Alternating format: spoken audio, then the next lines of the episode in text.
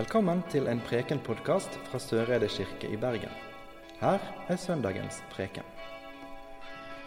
Tenk deg at du skulle fortelle om livet ditt.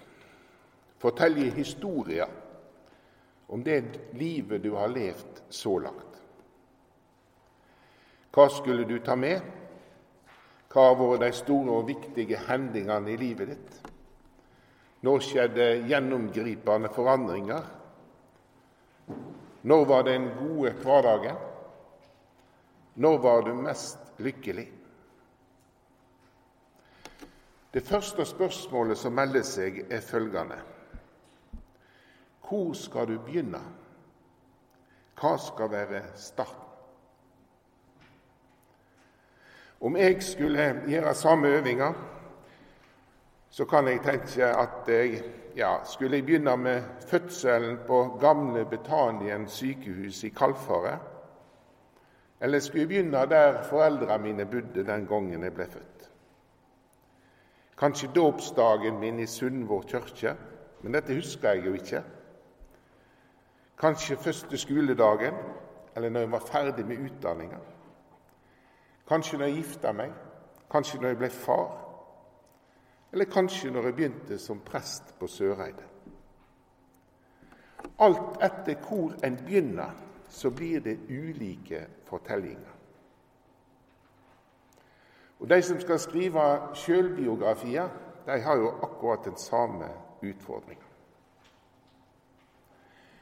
I byen Efesos vest i Tyrkia sitter det en aldrende apostel. Han regner med at livet går mot slutten etter hvert.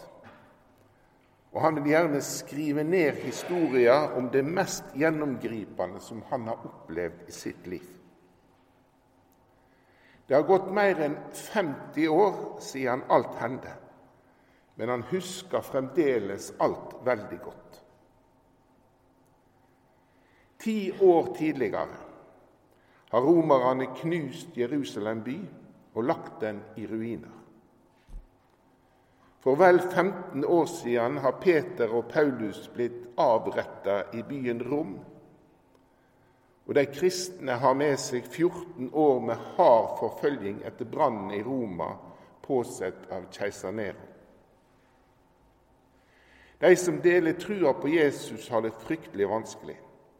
Mange blir martyrer, og mange fornekter trua si. De kristne er kasta ut av synagogene og blir forfølgd ikke bare av romerne, men også av jødene. Og Spørsmålet til den aldrende apostelen er altså hvor skal han begynne? Sånn at han får fram den store sammenhengen og forståinga av det som hender. Og Etter en del fram og tilbake så vil han begynne med begynnelsen. Ikke begynnelsen på sitt eget liv, ikke med en fødsel i en stall. Han går helt tilbake til det første som hender i vår eksistens. For han må helt dit for å sette fortellinga om Jesus i rett perspektiv. Og La oss høre hvordan han gjør det. Vi leser fra Johannesevangeliet, det første kapittelet, og vi reiser oss.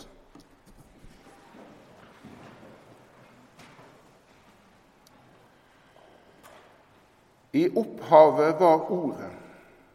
Ordet var hos Gud, og Ordet var Gud. Han var i opphavet hos Gud.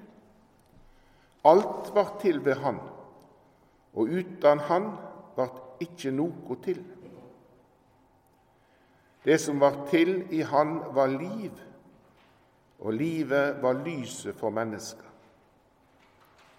Lyset skinner i mørket, og mørket har ikke overvunnet det. Et menneske sto fram, utsendt av Gud. Navnet hans var Johannes. Han kom for å vitne. Han skulle vitne om lyset, så alle kunne komme til tru ved han. Han sjøl var ikke lyset, men han skulle vitne om lyset. Det sanne lyset som lyser for hvert menneske, kom nå til verden. Han var i verden, og verden har blitt til ved han, og verden kjente han ikke. Han kom til sitt eget, og hans egne tok ikke imot han. Men alle som tok imot han, de gav han rett til å bli Guds barn, de som tror på navnet hans. De er ikke født av kjøtt og blod, ikke av menneskevilje og ikke av manns vilje, men av Gud. Og Ordet ble menneske og tok bostad mellom oss. Og vi så Hans herligdom, en herligdom som den enbårne Sønnen har fra Far sin, full av nåde og sanning. Amen. Dette er altså begynnelsen på Johannesevangeliet. Det er på et vis en overture, en oversikt, en bruksanvisning for å forstå resten av evangeliet. Det er vakre ord, det er poetisk, med et filosofisk innhold.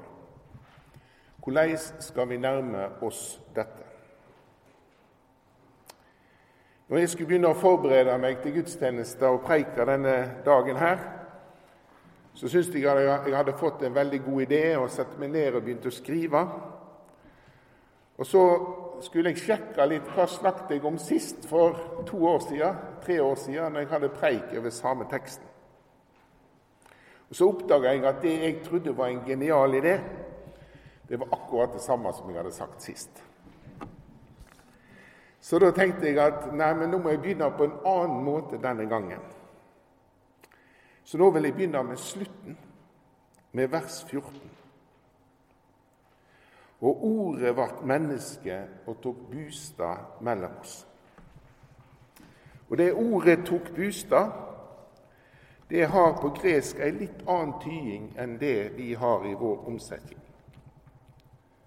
Det betyr egentlig å slå opp telt. Altså Gud slår opp telt mellom oss. Han som kom til verden, han slo opp teltet sitt der vi er. I yngre år så var jeg ganske glad i å gå i fjellet. Og Da opplevde jeg mange ganger en helt sånn merkelig opplevelse. Jeg kunne gå på Snaufjellet, og der var helt øde. Og så kunne jeg finne meg en lun plass i nærheten av et fjellvann eller en bekk. Og så kunne jeg slå opp teltet mitt der. Og fra å være aude og forlatt, så ble plutselig akkurat den plassen der jeg hadde slått opp teltet, det ble heimen min for den natta. Min trygge plass der jeg kunne sove. Og Så kunne jeg få fyr på bålet eller på primusen, få meg litt mat og slappe av og kjenne at ja, her er jeg. Her er min plass. Det som var forskjellen, det var med og uten telt. Og Når Johannes skal fortelle om Jesus, så bruker han altså et sånt uttrykk. Den Gud som har skapt verden, som får stjernestøv til å bli levende mennesker som du og jeg. Når han kommer til oss, så slår han opp teltet mellom oss han er til stades her som vi er. Sånn tenkte også jødene når de vandra gjennom ørkenen. Det første gudshuset deres var et telt, tabernakelet, og der de tenkte at Gud var til stede på en helt spesiell måte. I dette teltet, tabernakelet, så var det en heilagt plass for der var Gud. Det var møtepunktet mellom himmel og jord. Og Når Jerusalem nå har fallet, og de kristne er utsatte for forfølging, og livet er vanskelig, så forteller altså Johannes noe om Guds nærvær. Gud er til stede i alt det som hender deg. Og sånn er Gud òg til stede midt i vår julefeiring, midt i det vi nå lever i, midt i pandemien, midt i ensomheten, midt i festen. Og i vår tid så er det mange som slår opp teltet sitt midt mellom oss. Det er mange som kommer fra fattigdom, svolt, forfølging og krig. De slår opp teltet sitt i Hellas, i Bangladesh, i Syria, i Afghanistan og mange plasser rundt om i verden. Og det går ei linje mellom de som slår opp teltet sitt i en flyktningleir, og Johannes evangeliet sin budskap. Jesus viser gjennom hele sitt liv og virke at han ser de som er utenfor, de som er undertrykte. Han søker mot de fattige, han utfordrer de rike. Han sier at 'det du har gjort mot en av mine minste, det har du gjort mot meg'. Evangeliet i Bibelen sprenger seg vei inn i våre liv, inn i vårt tilvære, inn i våre telt, og kommer ei stor utfordring til oss. Juleevangeliet er egentlig ikke en idyll. Det er en konfrontasjon. En konfrontasjon med mørket, med egoisme, med havesyke. Det er et oppgjør med det materielle. Det er en kamp mot murene som vi bygger opp rundt oss.